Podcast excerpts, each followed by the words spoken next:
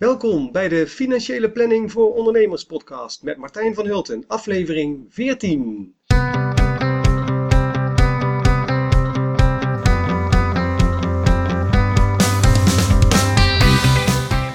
Ben je al jarenlang ondernemer? Net gestart? Of heb je plannen om voor jezelf te beginnen? In deze podcast krijg je allerlei informatie over zaken waar je als ondernemer tegenaan loopt.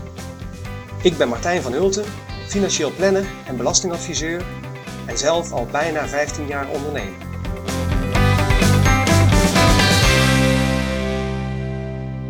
Hallo, hoe gaat het ermee? Welkom bij weer een nieuwe aflevering van de Financiële Planning voor Ondernemers podcast. Deze aflevering ga, ga ik het hebben over mogelijkheden om erfbelasting te besparen. Althans, een mogelijkheid die eh, iemand had bedacht en eh, waar een paar weken geleden een stuk over in de krant stond. Dat was namelijk een man die pas vader geworden was van zijn zoon Pim. En die heeft uh, drie weken na de geboorte van Pim heeft hij een BV opgericht. En daar heeft hij zijn zoon de aandeelhouder van gemaakt. Enige aandeelhouder van die BV. Met de bedoeling natuurlijk om in die BV dan een ondernemingsactiviteiten te gaan doen. En dat uiteindelijk dus de waarde van die onderneming bij de zoon terecht zou komen en niet bij de vader.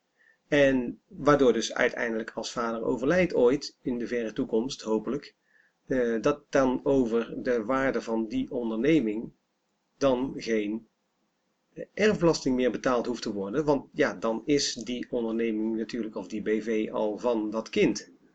Waarschijnlijk, en hopelijk eerlijk gezegd, is die vader wel uh, directeur van die BV en kan hij dus de dagelijkse gang van zaken bepalen.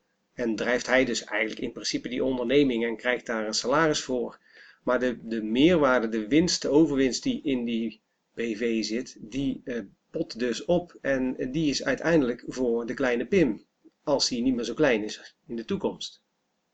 Op zich is dit helemaal geen onbekende constructie. En ik moet eerlijk zeggen dat ik zelf ook wel eens uh, dit heb geadviseerd. Althans niet zo rigoureus als deze vader het heeft gedaan. Maar uh, het is best een bekend, uh, een bekend systeem om kinderen mee aandeelhouder te maken van een, een BV waar de onderneming van vader of moeder of beide in zit. Natuurlijk met de bedoeling dat dat uiteindelijk veel waard gaat worden en dat, dat, dat die waarde dan al vast bij de kinderen zit met name in situaties waarbij de ouders een vennootschap onder firma hadden, uh, die omgezet werd in een BV, daar heb ik uh, uh, dit een keer geadviseerd. En die ouders die vroegen zich namelijk af van kunnen we die kinderen niet laten meedelen in de toekomstige waardestijging van die onderneming? Nou, dat kan, zeker tegenwoordig, want we, sinds een paar jaar kennen we de wetgeving van de Flex BV. En dat maakt het allemaal nog een stukje makkelijker om dit voor elkaar te krijgen. Want je kunt namelijk in de FlexBW-wetgeving kun je aandelen uitgeven die recht geven op een bepaald gedeelte van de winst of van de waarde van de onderneming. In, in aflevering 4 van deze podcast heb ik trouwens meer verteld over rechtsvormen en je kunt eventueel die aflevering nog eens uh, luisteren als je gaat naar www.vanvucht-vanhulte.nl slash fpo004 financiële planning voor ondernemers 004. Dus tegenwoordig kun je met die FlexBV-regels kun je heel gemakkelijk zoiets organiseren. Want je kunt namelijk bijvoorbeeld iemand laten delen in de winst van een bepaalde afdeling van een bedrijf, bijvoorbeeld, of eh, van een bepaalde periode in, de, in het bestaan van een bedrijf.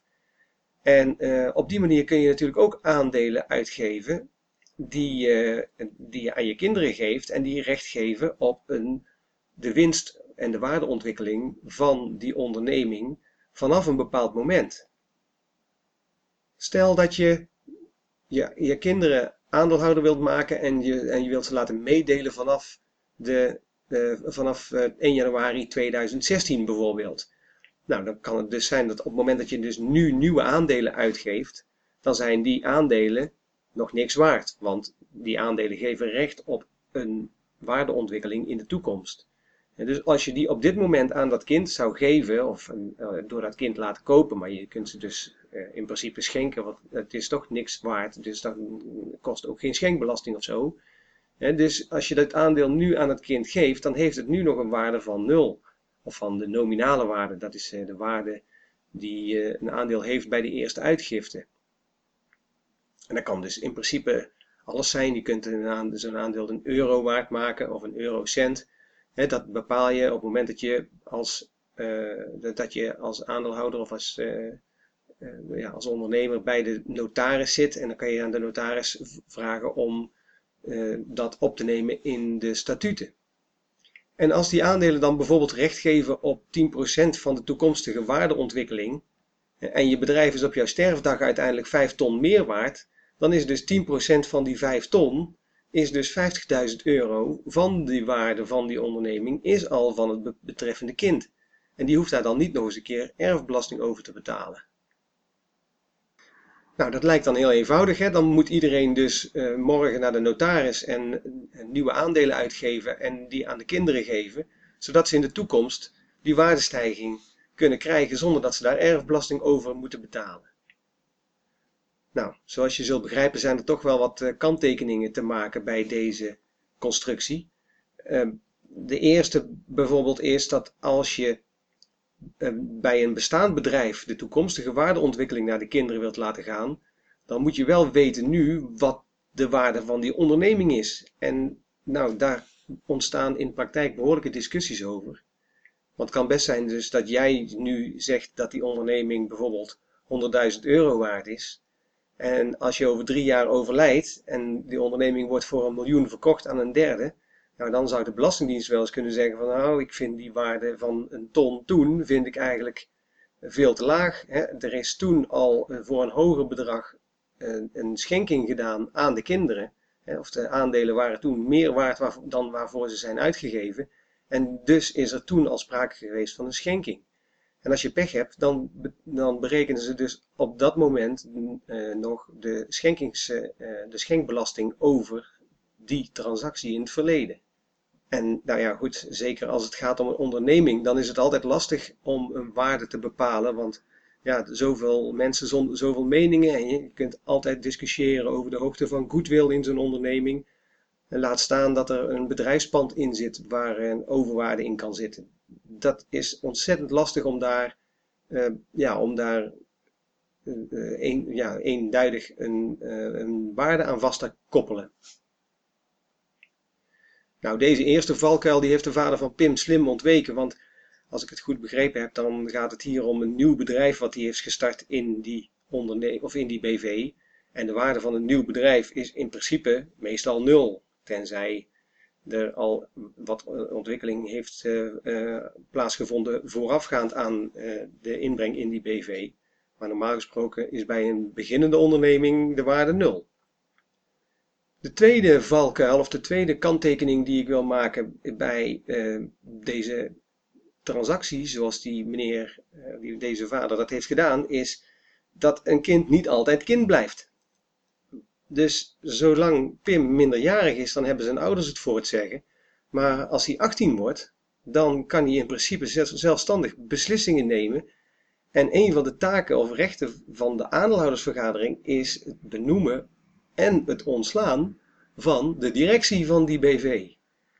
Dus als pa pech heeft, dan staat hij een dag na de 18e verjaardag van Pim werkloos op straat. En dat kan natuurlijk niet de bedoeling zijn van pa, denk ik hier. De derde kanttekening is dat je mag hopen dat Pim in zijn puberteit niet al te veel loslaat. Want dan kan hij na zijn achttiende wel eens uh, heel erg snel door de zuurverdiende centjes van pa heen zijn. Op het moment dat hij zelf dus uh, kan beschikken over die uh, middelen in die BV. Hij kan zelf bepalen dat er een dividenduitkering wordt gedaan. En als er een dividenduitkering wordt gedaan, dan kan hij daarover beschikken en kan hij dat dus opmaken aan wat hij zelf wil. Een vierde kanttekening is dat de vader van Pim wel zijn best zal moeten doen om de relatie met de moeder van Pim goed te houden. Want mocht het namelijk uitdraaien op een echtscheiding, dan kan dat wel eens een hele vervelende situatie geven. Het is namelijk zo dat op het moment dat kinder, kinderen uh, zaken bezitten, dat de, de ouderlijke macht over dat kind door de ouders gezamenlijk wordt uitgeoefend. En dat betekent dat voor alle besluiten van de aandeelhoudersvergadering totdat Pim 18 is, de goedkeuring eigenlijk van beide ouders nodig is. Dus, dus niet alleen pa die iets te zeggen heeft over wat er in die BV gebeurt, maar ma heeft net zoveel te zeggen over wat Pim aangaat. En ja, als Pim de enige aandeelhouder is, dan gaat het allemaal Pim aan. Dus dat betekent dat, uh, ja, dat ze moeten zorgen, dat de vader van Pim in ieder geval zal moeten zorgen dat, uh, dat die niet in een, een ruziesituatie met de moeder van Pim terechtkomt. Want dan kan het wel heel erg lang duren voordat er een besluit genomen wordt door de aandeelhoudersvergadering. Als vijfde kanttekening die nog in mij opkwam, vraag ik mij af wat er nou gebeurt als Pim over een paar jaar nog een klein zusje erbij krijgt bijvoorbeeld. Wat gaat pa dan doen? Krijgt het zusje dan ook aandelen in de BV van Pim? Of uh, gaat pa voor haar een hele nieuwe onderneming opzetten met een eigen aandelenpakket waar, waar zij dan weer uh, de aandeelhouder van wordt? En, want als dat laatste gebeurt, dan is wel te hopen dat die ondernemingen het ongeveer even goed gaan doen.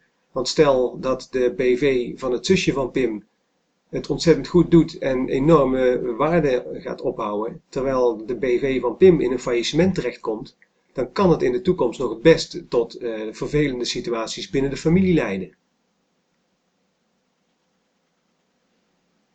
En als laatste en misschien wel het belangrijkste, moet je je natuurlijk afvragen of je je onderneming aan je kinderen wil schenken als je zelf nog niet voldoende vermogen hebt opgebouwd om uh, van te kunnen leven tot in lengte van jaren. Want ja, je wil natuurlijk niet uiteindelijk afhankelijk zijn van het vermogen van je kinderen om uh, je pensioen uh, vol te kunnen maken. En we zien natuurlijk best wel vaak gebeuren dat mensen om belasting te besparen vermogen aan, gaan overhevelen naar de kinderen. En dat ze dan op een later moment en misschien zelf eigenlijk wel in een situatie komen dat ze tekort komen. En dat is altijd heel erg vervelend. Dus mijn advies is eigenlijk altijd om pas te gaan schenken aan je kinderen als je echt zeker weet dat je het geld zelf niet nodig zult hebben in de toekomst. Nou, hoe moet het dan wel? Hè? Wat zou je dan in ieder geval wel kunnen doen om te voorkomen dat dit soort problemen gaan ontstaan? Uh, ik zou best willen overwegen om kinderen mee aandeelhouder te maken van een BV. Maar ik zou er wel voor zorgen dat ik zelf de helft plus één aandeel heb, zodat ik altijd de doorslaggevende stem heb in de aandeelhoudersvergadering. En zeker voor het geval de kinderen aan de drugs gaan of andere ellende. En natuurlijk zou ik de waarde van de onderneming op het moment van de uitgifte van de aandelen wel met de Belastingdienst afstemmen. Want dat voorkomt in ieder geval al een heel hoop vervelende discussie in de toekomst als je daar uh, ja, met, met de Belastingdienst oneenigheid over zou kunnen krijgen. In dit geval wil de vader van Pim alle heffing van erfbelasting voorkomen door die volledige eigendom van die BV bij Pim te leggen. Maar je weet hoe het gaat in het spreekwoord, het aloude spreekwoord. Wie het onderste uit de kan wil hebben, krijgt het deksel op de neus. Goed, zoals altijd sluit ik nog af met de tip van de week. Nou, zelf heb ik wel eens last van wat ik dan noem uh, ondernemers ADHD. Ik zie en hoor van alles wat me weer op ideeën brengt voor nieuwe kansen en mogelijkheden. En als je dan niet uitkijkt, dan switch je maar van het een naar het ander. En daar ben je heel erg druk mee, maar uiteindelijk komt er nooit iets af. En zoals Henry Ford al gezegd heeft, een eeuw geleden of langer, uh, you cannot build a reputation on what you are going to do.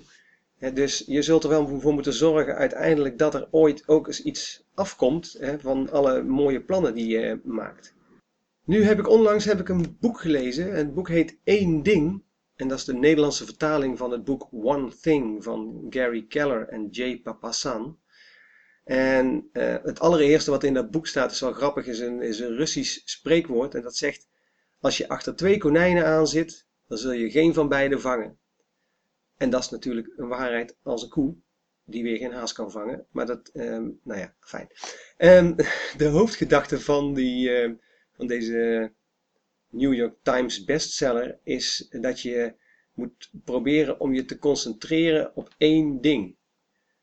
Maar ja, dan moet je natuurlijk wel eerst weten wat dat ene ding dan is. En dat doe je door een focusvraag te stellen. Door jezelf telkens weer de focusvraag te stellen: Welk ene ding kan ik nu doen waardoor al het andere eenvoudiger of zelfs overbodig wordt? En eh, nou ja, afijn. Dit ehm, boek is een absolute aanrader. Het leest als een trein en het motiveert je eh, enorm om je te focussen op wat echt belangrijk is. Dus als je nog weer eens een uh, leuk managementboek wil lezen, dan uh, kan ik deze absoluut aanraden. Uh, via mijn website kun je trouwens ook bestellen bij bol.com. Ik krijg daarvoor dan een kleine vergoeding van bol.com. Goed, tot zover deze aflevering van de Financiële Planning voor Ondernemers podcast. Graag hoor ik van je of je deze aflevering leuk vond. Laat daarvoor alsjeblieft een reactie achter, bijvoorbeeld op de website.